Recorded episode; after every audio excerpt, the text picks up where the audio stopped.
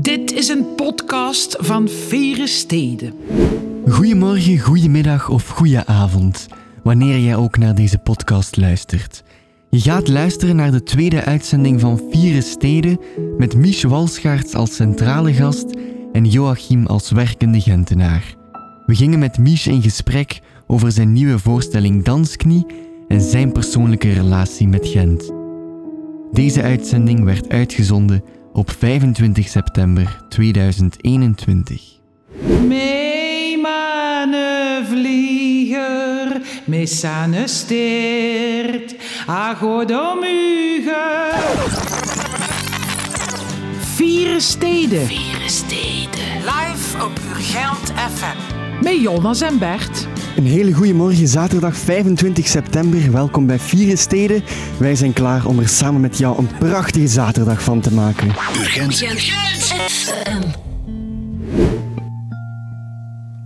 Mr. Autumn met Watchtower live vorige week opgenomen in de Minaarschouwburg hier in Gent tijdens onze kick-off aflevering van Vieren Steden. Goedemorgen, eh, we hebben hoog bezoek in Vieren Steden. Goedemorgen, Mich. Goedemorgen. Ja, alles goed? Bah ja, eigenlijk wel. Gisteren première gehad met Dansknieën, een nieuw project dat, ik, dat ik gemaakt heb. En eh, dat ging goed, dus eh, nou, ik ben tevreden. Ja, en ervoor al try-outs en vanavond terug, dus het is wel eventjes druk voor jou. Het is eventjes druk, maar eh, het is pas heel vermoeiend als er veel stress mee gemoeid hebt, is. En dat was eigenlijk niet met dit project. Van in het begin, zo vanaf deze try-outs, voelde wel direct van, ja, we zitten op een goed spoor. En dat is... ja, dat is ook zo gebleken. Gisteren zo reacties heel goed. En, allee, het gaat mij heel goed af en het gaat, het gaat redelijk vanzelf. Dus het is druk, maar ook heel aangenaam. Ja, fijn. Ehm, het, het modewoord tegenwoordig is knaldrang. Ehm, is er ook knaldrang bij, bij jullie geweest als muzikanten? Absoluut. Ja, absoluut. Ja, en dan is het fijn om terug op het podium te kunnen staan. Ja, zeker. Want ik dacht zo tijdens de lockdown, tijdens het thuiszitten, ik had op voorhand gevreesd van shit, dat gaat mij niet afgaan, veel thuis. Maar dat ging me eigenlijk wonder wel goed af. Zo veel tijd met gezin en, eh, ja, en ook veel kunnen schrijven en veel tijd hebben. Zo vond ik eigenlijk ook wel fijn. Ik miste het minder erg dan ik gedacht had. Maar nu ik terug aan het spelen ben, voel ik toch wel dat eh, ja, dat, dat echt mijn ding is of zo. En ik merk vooral eh, knaldrang bij ons, de muzikanten, maar ook bij de mensen. Ja. Het, is, het is iets heel funky, dansbaar, dansknie wat we nu gemaakt hebben. En ik voel echt dat de mensen heel veel zin hebben en goesting om, om te shaken en te dansen en ervoor te gaan. Het is opvallend hoe, hoe makkelijk ze, ik ze uit hun eh, theaterstoel eh, krijg. Fijn om te Ja. horen. Ja, we, zijn, we zijn benieuwd, want je komt eh, binnenkort naar Gent. Ja, volgende week zaterdag, de 2 oktober hier in de Minaar. Voilà, we gaan straks nog uitgebreid over Dansknie hebben. We gaan nu al een, een vraag van de luisteraar in de ether gooien. Het was een heel verontrustende mail van iemand die dacht van is Comilfo gesplit? Ja, ja. Ja, helaas, mijn broer wordt, ja, wordt stilaan te oud en ik moet dan toch andere wegen. Nee, de luisteraar moet zich geen zorgen maken. Hè. De, dat doen wij wel regelmatig, zo solo-projecten, RAF ook. We, we schrijven veel en veranderen en regisseren. We doen eigenlijk van alles.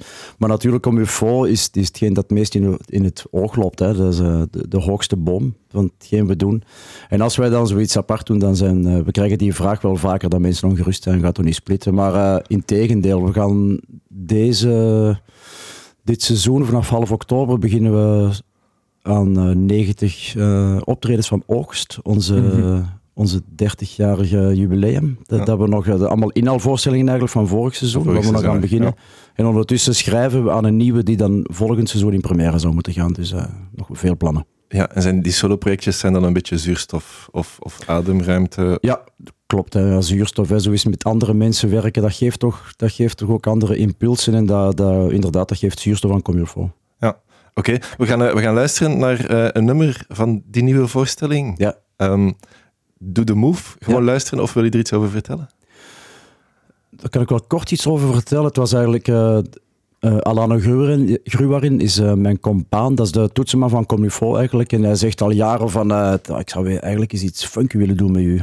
En ik, en ik dacht altijd van... Ja, dat vind ik wel een tof idee. Maar ik dacht, dat zal zo'n idee blijven dat in de lucht blijft hangen. En op een voormiddag stuurde hij zo een paar ideetjes door. Waaronder dit. En ik moest naar het containerpark. Ik moest een paar keer over en weer rijden. En die ideekjes, drie uur later, na drie uur in de auto zitten, was ik zo geïnspireerd dat ik op, op, op die drie uur die drie teksten geschreven heb. Dus dan dacht ik van, ja, hier moeten we dan toch echt misschien wel iets mee doen. En Do The Move was daar één van. Do The Move van Dansknie van uh, Mich en Alano. Um, het is een, een duo-project. Uh, ja, het is een duo-project, maar we staan wel met drieën op podium. Dat is uh, enigszins verwarrend. Merkte ik gisteren aan de mensen. ik, heb, dat ook moeten uitleggen.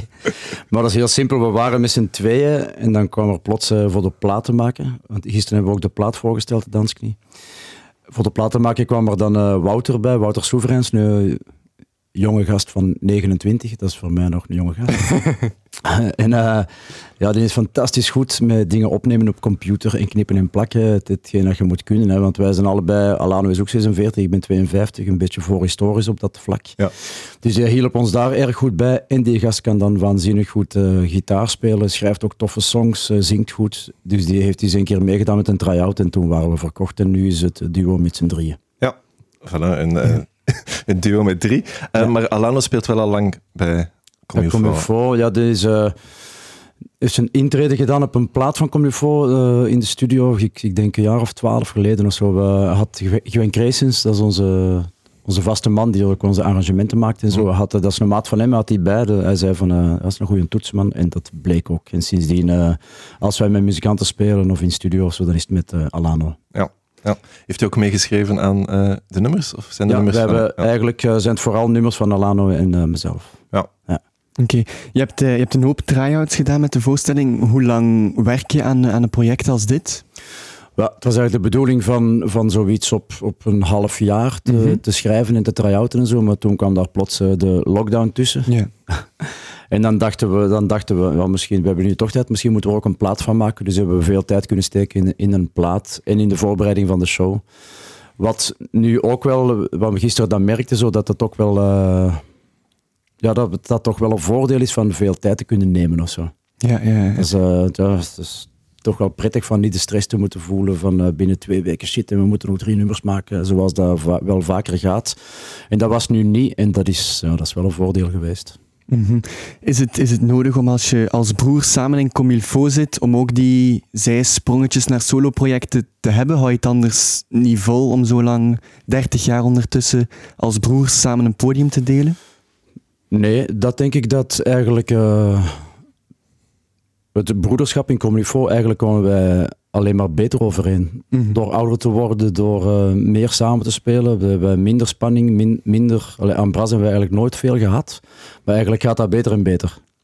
Maar uh, is één ding, maar je hebt natuurlijk je eigen aspiraties. En, en je moet als, als artiest en als mens ook proberen te groeien en uitdagingen aan te gaan. En daar dienen die solo-projecten eigenlijk voor. Ja, en als je dan, als je dan bezig bent met je solo-project, um, gebruik je dan de andere broer als klankbord? Of is dat echt dan even ja. helemaal los van elkaar? Uh, dat is helemaal los van elkaar. Ik heb het helemaal los van eraf gemaakt.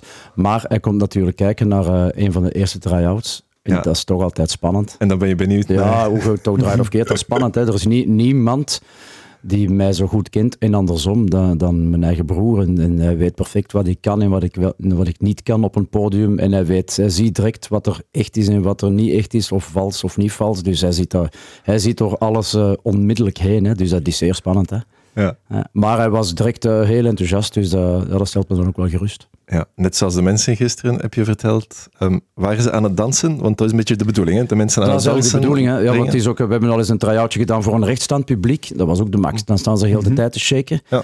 Maar zoals gisteren, wat, in derde nummer, stond uh, heel de zaal toch al uh, bovenop hun stoel. Dus uh, ja, daar waar we het er straks over hadden, over die knaldrang. Ja, ja. Dat voelde ik bij mensen. Ik, ik moet echt maar een klein beetje aanzet geven en ze beginnen te shaken. tof om te zien. Ja, het is, het is een plaat die een, funky plaat. Ja. Danske is een, een funky project, ja. maar toch in het Nederlands. Um, ja, het, daar heb ik zelfs niet over nagedacht. Het is zo'n evidentie na, na 30 jaar met Comilfo in het Nederlands schrijven. Wij zijn natuurlijk, ik was uh, 16, 17 toen wij met Comilfo begonnen. En we hebben ons zelfs nooit de vraag gesteld van gaan we in het Nederlands of in het Engels uh, iets proberen te doen. Dat was on onmiddellijk in het Nederlands. Mijn vader was ook uh, grote fan van Herman van Veen bijvoorbeeld. En, en daardoor wij ook. En dat heeft toch wel invloed gehad. Dus ons allereerste liedjes, bijna 35 jaar geleden, waren al in het Nederlands. Dus nu was het ook... Uh, het was geen vraag van ga ik het in het Engels doen. Het was net de uitdaging funky muziek te maken. Want ik ben natuurlijk grote fan van Prince en James Brown en, en, mhm. al, die groot, al die grootheden. Ja. Maar dat proberen in het Nederlands was net de uitdaging. En dat is gelukt? Uh, voor mij wel. Ik ben in ieder geval heel tevreden van de plaat en de show. Ik kan, ik kan me zeer mee rot. Ja. ja. Je hebt nooit in het Engels iets geprobeerd. En dat is ook niet... Ja, wij schrijven heel veel op een Grieks eilandje. Zo, mhm. Elk jaar zitten we wel een tijdje op een Grieks eilandje. Altijd hetzelfde. Uh, ik en mijn broer. En uh, nu is dat met gezin, dus nu is dat wel wat minder. Maar vroeger zaten we er vaak met z'n tweeën te schrijven. En toen hadden we wel een Engelstalig repertoire voor daar.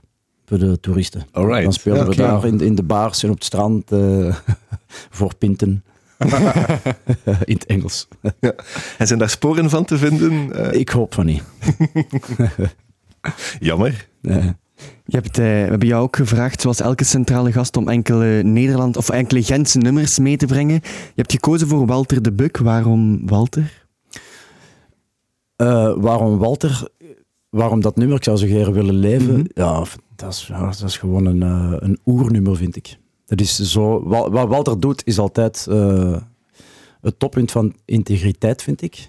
Ik had het straks over vals en, en echt. Als mhm. Walt, is eender wat Walter uh, doet of deed, was altijd Walter de Buk. was altijd uh, eh, 100% eigen en eerlijk. En, en dan in combinatie met een prachtige tekst, prachtige song. Ja, dat is een hoogtepunt in Nederlandstalig oeuvre, vind ik. Oké, we gaan er naar luisteren. Walter de Buk, ik zou zo graag willen leven.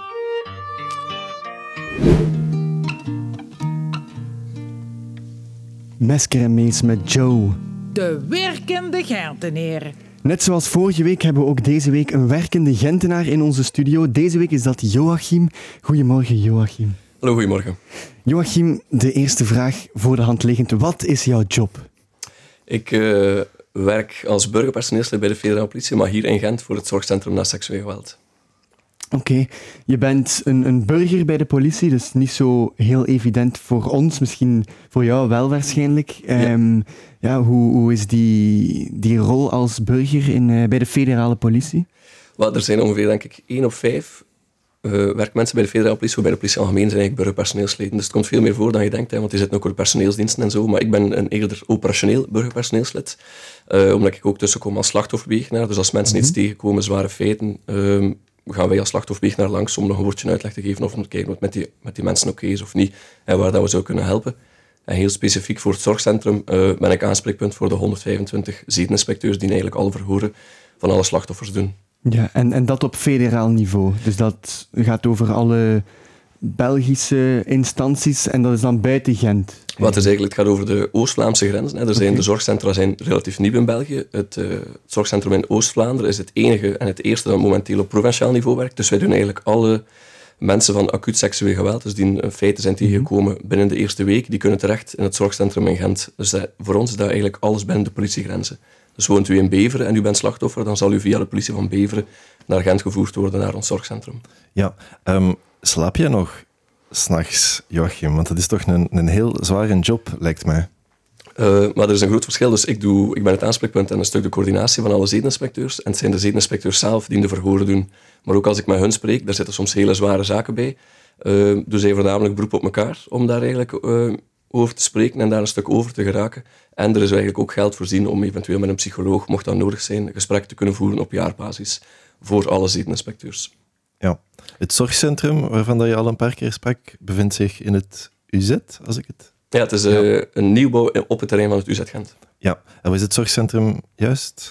Wat het zorgcentrum, de, de, nieuwe aanpak is, eh, vroeger ging je, als je slachtoffer werd van, van seksualiteit, ging je naar de politie en dan ging het er een beetje vanaf wie je aan het onthaal te horen kreeg of wie er voor je zat. En dan moest je daar gaan zeggen, kijk, ik ben slachtoffer geworden van seksueel geweld. Dat is niet zo aangenaam, want er kunnen ook heel veel mensen achter u in de wachtzaal zitten die eigenlijk voor hele simpele feiten komen als een verkeersboete Ehm, dus dat is niet zo leuk. En eigenlijk met het zorgcentrum is er gekozen voor een, een, algemene aanpak voor een slachtoffer. Dus die wordt nu eigenlijk rechtstreeks naar het ziekenhuis gevoerd om daar direct de medische zorgen eigenlijk toegediend te krijgen. Vroeger was het eerst verhoor bij de politie, dan nog naar het ziekenhuis op eigen kracht misschien, en dan eventueel zelf nog psychologische hulp gaan zoeken achteraf. Nu zit alles samen, kom je eerst in het ziekenhuis terecht, krijg je een, een volledig onderzoek door de forensische verpleegkundige, en als je nadien aangeeft om klacht neer te leggen, want dat is niet verplicht, hè. je kan ook gewoon mhm. naar het zorgcentrum gaan en zeggen, kijk, neem mijn staal al op, ik wens erover na te denken om klacht neer te leggen. Ehm, en als je dan toch zegt, ik ga klacht neerleggen, wordt er een zedeninspecteur opgeroepen en dan krijg je eigenlijk in het zorgcentrum zelf je verhoor. Je moet je niet meer verplaatsen naar zo. En die zedeninspecteurs zijn specifiek opgeleid om mensen van seksueel geweld te verhoren. Ja, want als je beslist om stalen te laten afnemen, hoe lang de tijd heb je dan om erover na te denken wel of geen klacht in te dienen? Je hebt zes maanden de tijd. Dus je komt toe en dan wordt die vraag gesteld, zou je het willen of niet? Als je zegt nee, mhm. dan heb je zes maanden de tijd. En in die zes maanden zal die verpleegkundige die je daar hebt gezien en die je stalen in beslag genomen heeft, of toch meegenomen heeft, die zal u intussen tijd een paar keer opbellen om te vragen hoe gaat het? Uh, heb je van ons nog iets nodig en wens je nog klacht neer te leggen of niet? Ja. En waarom, waarom twijfelen mensen om klacht neer te leggen? Ik denk dat dat heel sterk afhankelijk is van de situatie waar dat je zelf een inschatting maakt. Denk ik, gaat het iets opleveren, gaat het iets niet opleveren? Wens ik me eigenlijk dat hele proces aan te doen van ik, ik weet wie dat is, ik ga klacht neerleggen. Maar het is, het is, misschien moeilijk uit te leggen en ik, ik heb er eigenlijk geen zin in om eigenlijk die hele twee jaar misschien, hè, want sommige zaken duren heel lang om daar nog twee jaar mee te zitten. Dus het is eigenlijk een proces dat de slachtoffers voor zichzelf moeten maken. Maar het grote voordeel van het zorgcentrum is wel, het spreekt altijd over seksueel geweld, dat er een heel groot dark number is hè, van feiten die niet worden mhm. aangegeven. Hier merkt men in de statistieken dus dat vroeger was er 10% van de feiten aangegeven en nu merkt men dat die aangiftebereidheid, ook door die aanklampendheid van de forensische verpleegkundige, stijgt naar 65%. Hm. Dus 65 op 100 mensen die nu zeggen, ik ben slachtoffer geweest, die gaan ook effectief klachten indienen. Wat dan veel beter is voor politie, want ze hebben dan natuurlijk ook een grotere database van staal, waar hm. ze eventueel, als er nog zaken moeten gevonden worden, meer kunnen uitputten uh, om, om daders uh, te kunnen terugvinden. En over hoeveel zaken gaat dat zo, Joachim, op jaarbasis? Ongeveer? Spreek je dan voor Oost-Vlaanderen? Ja, wat, zo Gent en omstreken. Wat is heel moeilijk, omdat we nu uit twee coronajaren komen, uh, waar dat, ja, veel mensen eigenlijk eerst met de verplichte quarantaine en ook met de horeca die toe is. Dus het is moeilijk om daar nu een cijfer op te zetten. Maar ik weet dat wij ongeveer voor dit jaar uh, zitten wij aan 140 tussenkomsten, maar van politie in het zorgcentrum. Dus er zijn 140 keer dat iemand zegt, ik wil uh, klacht neerleggen. Ja. Ik weet dat de forensische verpleegkundigen wel aan een hoger aantal zitten, maar dat zijn mensen die daarin nog mhm. twijfelen of gewoon eens telefonisch gebeld hebben uh, voor meer uitleg te krijgen. Ja. Dus dat kan ook. Je hoeft niet rechtstreeks te gaan voor alles. Je mag ook gewoon eens bellen en luisteren. Wat zijn okay. mogelijk? Maar 140 is wel veel. Of... 140 jaar slaan natuurlijk over de... Veel, ja, maar wat, wat valt er vergelijken? Natuurlijk, dat is zeer moeilijk. Het is, het, je, het is zeer ongekend bij iedereen. En, en uh, ja, die feiten zijn ook zeer moeilijk. Zoals er is een groot dark number, dus eigenlijk alles dat er nu nog bij komt is, is, is meegenomen. Maar om nu te zeggen, het is zeer weinig. Ja, ik weet niet van waar je dan zou vertrekken van uh, algemene cijfers. Ik denk, elk is er één te veel. Dat is dat zeker vast. Ja. Ja. Klopt het dat, dat uh, de daders zich meestal in, in de kenniskring of in de familie bevinden? klopt het. Ik denk dat je, je hebt de intrafamiliale daders en extrafamiliale daders, maar het verhaal van de onbekende daders, dus de man of vrouw die je niet kent, uh, die u ergens van uw fiets sleurt of waar dat je iets tegenkomt, dat is echt wel het hele minieme. Mm. Het komt heel uitzonderlijk voor. Maar dat zijn wel de zaken die, natuurlijk waar dat iedereen direct aan denkt bij seksueel geweld. Het is niet iemand die kent, het is vooral die onbekende man uh, of vrouw uh, die daar de dader van is. Maar ook heel moeilijk uit de statistiek. Ik denk dat 50-50 is. Uh, dus intra- of extra-familiaal. Ja. ja. Uh, mensen die meer willen weten over het, het zorgcentrum, waar vinden zij... Um, die kunnen gewoon op de website terecht van seksueelgeweld.be. Uh, en zeker meer over het zorgcentrum in België is Lieve Blankart nu nog bezig met een reeks uh, Let's Talk About Sex op VRT. Klopt. En zij hebben de zedeninspecteurs van ons gevolgd uh, en ook de hele werking van het zorgcentrum. En die reportage is 13 oktober. Dat is op woensdag, wordt die volledig uitgezonden. Ja, en je sprak ook, op de site staan ook tips. Ja, er staan ook tips voor mensen die slachtoffer worden. Dat is voornamelijk naar het bewaren van de sporen toe. Pak, mm -hmm. we, zijn, we zijn vandaag zaterdag. Als je bijvoorbeeld gisteravond iets bent tegengekomen en je denkt nu, ik zou toch klachten willen neerleggen, of ik zou naar het Frans verpleegkundige willen gaan, dan is het beter ook dat je jezelf bijvoorbeeld nog niet volledig wast. Dat je dus, dus de kleer van gisteren volledig meeneemt. Um, heel in details, bijvoorbeeld ook als je zelf, er is iets gebeurd, dat je hebt jezelf ergens af, afgeveegd met een doekje, dat ook dat doekje meepakt. Want alle sporen die de forensische verpleegkundige nog kunnen meenemen, die zijn wel absoluut uh, heel belangrijk om een dader terug te vinden, of vooral voor de bewijslast eigenlijk uh, in de rechtszaak zelf. Uh, nog, een, nog een andere vraag, Joachim, over de politie. Um, tegenwoordig uh, wil je geen politieman meer worden, want um, constant op het nieuws geweld tegen politie. Hier in Gent, in de Overpoort al een paar keer. Brussel. Ehm, ja, wat is er aan de hand? Uh, wat is er aan de hand? Als ik het vorige week las, ook in de krant op zaterdag, ging het voornamelijk over uh, groepen jongeren die eigenlijk ook van niet uit Gent zelf kwamen, geen echte studenten, die naar Gent zijn afgezakt in de Overpoort om daar eerder stuk ruzie te zoeken, om een stuk ontspanning te zoeken die een stuk uitmondt in ruzie.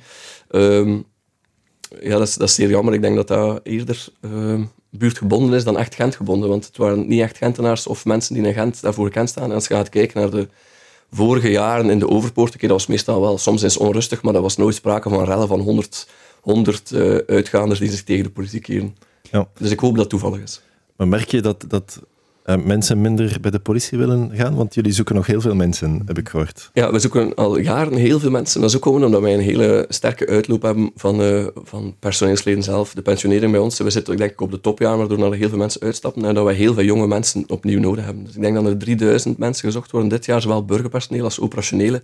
En we zien dan ook heel veel mensen met diploma's instromen, uh, zowel voor inspecteur te worden direct, om dan zo nog door te groeien binnen de politie. Dus er zijn zeker mogelijkheden voor wie dat interesse heeft bij politie. Uh, wij zijn bij 45.000, er zijn ontzettend veel mogelijkheden om aan de slag te gaan binnen de politie. Hoe hard leeft het nieuws uh, van, van politiegeweld bij jou en jouw collega's? Ja, zeker. Hè. Als we dan vorige week ook lazen dat er een, politievoertuig uh, die hoorde van de rellen die zich gedraaid hier op, op de Groot-Brittannia-laan in Gent, mm maar die dan daar verongelukt is. Ja en die nu even een levensgevaar waren, uh, dat leeft wel enorm. En je voelt direct ook bij iedereen over wie gaat het. Zijn ze ernstige kwestie of niet? Hoe gaat het er nu aan toe? Uh, dus dat leeft zeker. En je voelt ook dan nu de overpoort gisteren.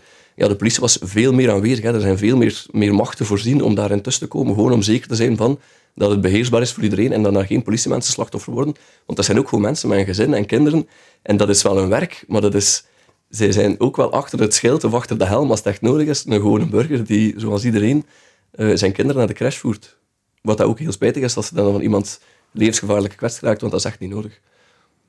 Oké. Okay. Nog eens, waar kunnen mensen nu meer info vinden over het uh, zorgcentrum? Zeker op de website uh, seksueelgeweld.be. En dan kan je gaan kijken, daar zit het zorgcentrum agent specifiek onder, om uh, de nummer eens te krijgen van de forensische verpleegkundige. Als je zelf nog feiten van 10 of 15 jaar geleden en je wenst gewoon eens informatie, kan je ook gewoon eens bellen. En zij gaan u met raad en daad bijstaan om u zo goed mogelijk nog naar de gepaste hulpverlening of eventueel naar politie te sturen als je klacht wenst neer te leggen. Perfect. Joachim, heel erg bedankt om langs te komen bij ons in de studio als werkende Gentenaar. Fijne instrumentale muziek. Paard met Maurice, dat was een keuze van jou? Ja, ik vind dat... Uh, ik heb die mannen eigenlijk nog nooit echt live aan het werk gezien, maar, maar al wel uh, een paar streams. Ja, ik vind het fantastisch wat die doen. Is heel fris. Uh, ongelooflijk muzikanten, hoog niveau, maar ook heel gedurfd. He heel veel lef. fantastisch samenspelen. Echt super. Want ik heb de, de bassist is Owen, en dat is de zoon van, uh, van Ineke Nijs, een goede vriendin. En ik heb al gezegd van uh, als ik ooit eens met andere muzikanten, Alano mag dit niet horen, maar als ik ooit eens een andere begeleidingsgroep wil, dan, uh, dan, dan wil ik dat paard is, omdat ze zo straf zijn. cool. Heeft niet geluisterd. Dus heeft nee, denk ik nee, nee, nee, Hij woont in Limburg, dat gaat dat niet goed. voilà, zie. Um, je bent uh, momenteel op tournee met, ja. met Dansknie um, in het Vlaams geland. Is het dan fijn elke avond terugkeren naar Gent? Ja, dat vind ik wel. Ik, ik woon al, uh, ik ben eigenlijk van het Antwerpse. Maar ik woon al meer dan 30 jaar in Gent en ik woon hier uh, nog altijd heel graag. Ja, wat is je band met Gent? Um. Oh, ja, want ik zou eigenlijk, het zou logischer zijn moest ik in uh, Antwerpen stad wonen, maar daar, daar heb ik zo niks mee. Ik woon hier sinds mijn 18, dus dat is, uh, ja, dat is al lang, dat is 35 jaar of zo. Ja, ja dat is gewoon een, een de mentaliteit van Gent spreekt mij toch heel hard aan. Buiten dat het een prachtige stad is, uh, buiten het feit dat het ook alsmaar aangenamer wordt in Gent. Ik vind dat met het, het circulatieplan bijvoorbeeld. Ik, was, ik speelde in Antwerpen twee weken geleden een, eh, een try-out en we liepen daar over de Grote Markt in die, in die buurt, echt centrum-centrum. Mm. En dat, dan viel het mij echt op hoeveel, hoeveel auto's jongen in Antwerpen niet te geloven. En dan merkte van, shit, ja, Gent is, dat is de max hè, toch. Het heeft heel wat voeten in de aarde gehad, dat circulatieplan, mm, maar... Maar dat is toch wel heel fijn, vind ik. En zo gebeuren er veel dingen. Hè. Gent wordt alsmaar mooier en groener en aangenamer als inwoner. Ja. Heeft Gent de afgelopen 30 jaar eh, gediend als inspiratiebron voor nummers, zowel solo-projecten als voor Comilfo? Want bijvoorbeeld het nummer Tram 17 speelt zich volledig af in Gent. Ja, klopt. Zijn er nog nummers die daar uh, naar verwijzen? Wel, het eerste, wat, het eerste, wat, ik aan denk is, we hebben zo uh, met kerstmis, of we hebben een nieuwjaarslied mhm. geschreven, mm -hmm. ja, ja, zo een half jaar geleden. Hè? Voor, voor, voor Gent. Dus dat, dat ging natuurlijk, dat was Gent ook de inspiratiebron. Hè? En ja, het, alles uh, kan inspiratiebron zijn. Dus de, de omgeving waar je woont is, is natuurlijk uh, bepalend. Hè? Ja, de mm-hmm. relaties in de stad waar je woont. Uh, ik kom nu niet direct, Jonas, op een concreet voorbeeld, maar okay. toch wel. ja, ja, ja, ja, we vragen onze centrale gast ook elke week om een Gentenaar van de week te nomineren. Je hebt gekozen voor Wim Klaas. Ja, Wim Klaas. Ja, dat is ik heb die leren kennen. Dat is eigenlijk een accordeonist die uit de Volle mhm. komt. En we hebben ooit eens een eh, project samen gedaan waardoor we veel samen in de auto zaten. En we kennen elkaar van haar nog pluimen, maar dat, dat klikte heel goed. En uh, hij had zo heel stil de aspiratie om, uh, om ook iets met cabaret te doen en uh, solo dingen te maken. En daar zijn we dan samen aan begonnen. En ja, daar is hij nu ook volop mee bezig met, met cabaretshows in elkaar te steken en, en solo te spelen en zo. En ik vind dat goed wat hem doet en vooral heel moedig. Oké. Ja. Hij heeft zo een voorstelling gemaakt over zijn vader die bij de SS is geweest. Uh, heftige voorstelling, heeft er ook een boek over geschreven. En voor de rest uh, is hij ook iemand die heel hard bezig is met, de, met het Gentse dialect. Ja. Uh, in ere te herstellen of te behouden. Dus dat is ook wel een nobel iets, vind ik. Hij heeft een, een kinderkoor, de stemband, waar ze Gentse kinderliedjes zingen. Dat is ook heel tof. Mhm. Dus de gasten, dus, die is op alle vlakken heel goed bezig, vind ik. Dus die, die krijgt van mij uh, de eer om uh, strafste Gentenaar of, of Gentenaar van het jaar, of wat is het uh, zijn? Van de week. Van de week, van de week. ja, dat, ook goed.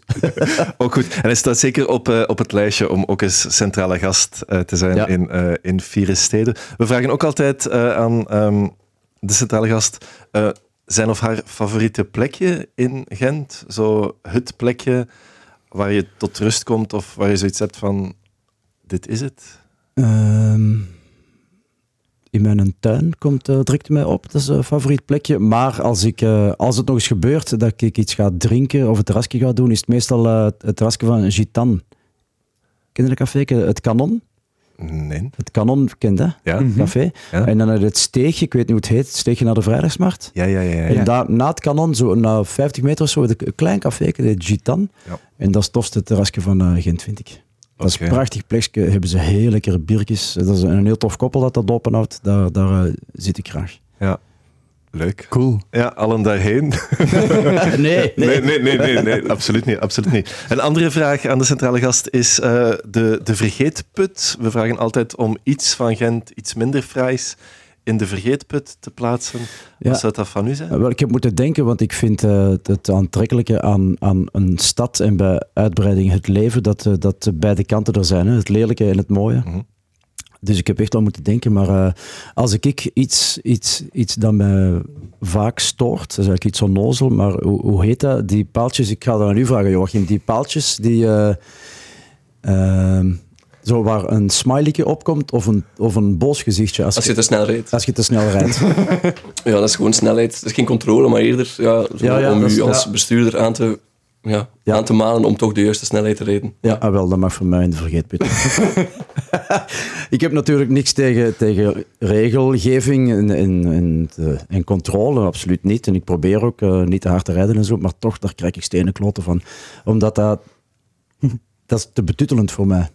Ik, ik weet als uh, verantwoorde burger, voilà, hier mogen 30 en dan probeer ik dat te rijden. En als er dan een bosgezichtje komt, dan heb, ik, dan heb ik neiging om het gaspedaal in te duwen. Bij mij werkt dat averechts. Maar ik denk dat het ook bij sommigen wel echt nog werkt. Maar je ziet toch veel mensen zo, oh, we gaan toch vertragen. Maar inderdaad, het is misschien toch ook niet zo veilig om alles toe te smeten, om dan toch juist 30 te reden. Ja. ja ik weet ook niet hoe het komt. Ik, heb, ik, kan, niet, ik kan niet goed tegen... Uh, want ik, heb, ik versta dat er camera's moeten, moeten zijn en zo. En toezicht van politie, dat versta ik allemaal, daar ben ik mee akkoord. Maar toch zo dat concrete ding dat er zo'n lachend gezichtje zegt van ja, je bent goed bezig, Mischke. Ja, dat, is, ja, dat werkt toch op mijn, uh, op mijn gemoed als ja. vind ik Ik geef het door. Ik geef het door. ja, voilà, ja. We geven het allemaal door. Ja. En we nog heel kort over, over uh, Gent en muziek, want er leeft heel veel muziek in, Ja. in Gent. Ja. Ehm, ja, is er iets in het water in Gent of is het... ehm, Ja, er zijn heel veel mensen met, met, met muziek en, en toneel en, en allerlei handen creatieve dingen bezig. Hè. Dat is Ja. op- opvallend. Hè? dat is echt een scene, hè? Dat is echt een scene. Hè? Ja. ja, dat weet ik eigenlijk niet. Dat was al toen ik hier, toen ik hier aankwam in Gent op, op mijn 18. Ja. Ja, was, was dat al opvallend hoe, hoe, hoe, hoeveel creativiteit er hier bruist. Ja. En eh, ja, dat vermindert niet, in tegendeel heb ik het gevoel. Is dat een van de redenen waarom dat je hier thuis voelt? Ja, dat denk ik wel, deels. Ja. Ja. Ehm, want er staat terug een nummer klaar van Bruno. Bruno de Nekkeren. Ja. Ja, dat is, eh, want we hadden het dan straks over in het Nederlands of in het Engels. En Bruno bewijst eigenlijk het tegendeel. Hij, hij doet het in het Engels. Hij is eh, ja, een fantastische songschrijver, vind ik. Hij zit eigenlijk meer zo wat in de, in de country Ja. kant zo. Maar hij schrijft fantastische songs, vind ik. En eh, ook zijn teksten in het Engels. Ja, het is eh, heel vaak eh, heel raak, pakkend, ontroerend. Het is een grote meneer, vind ik.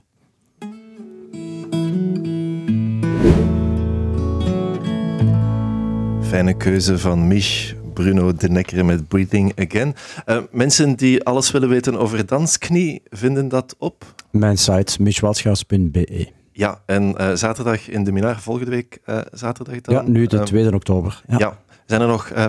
Ik denk dat er nog wel wat tickets zijn, dus mensen zijn heel welkom. ja, en de plaat, waar vinden de mensen...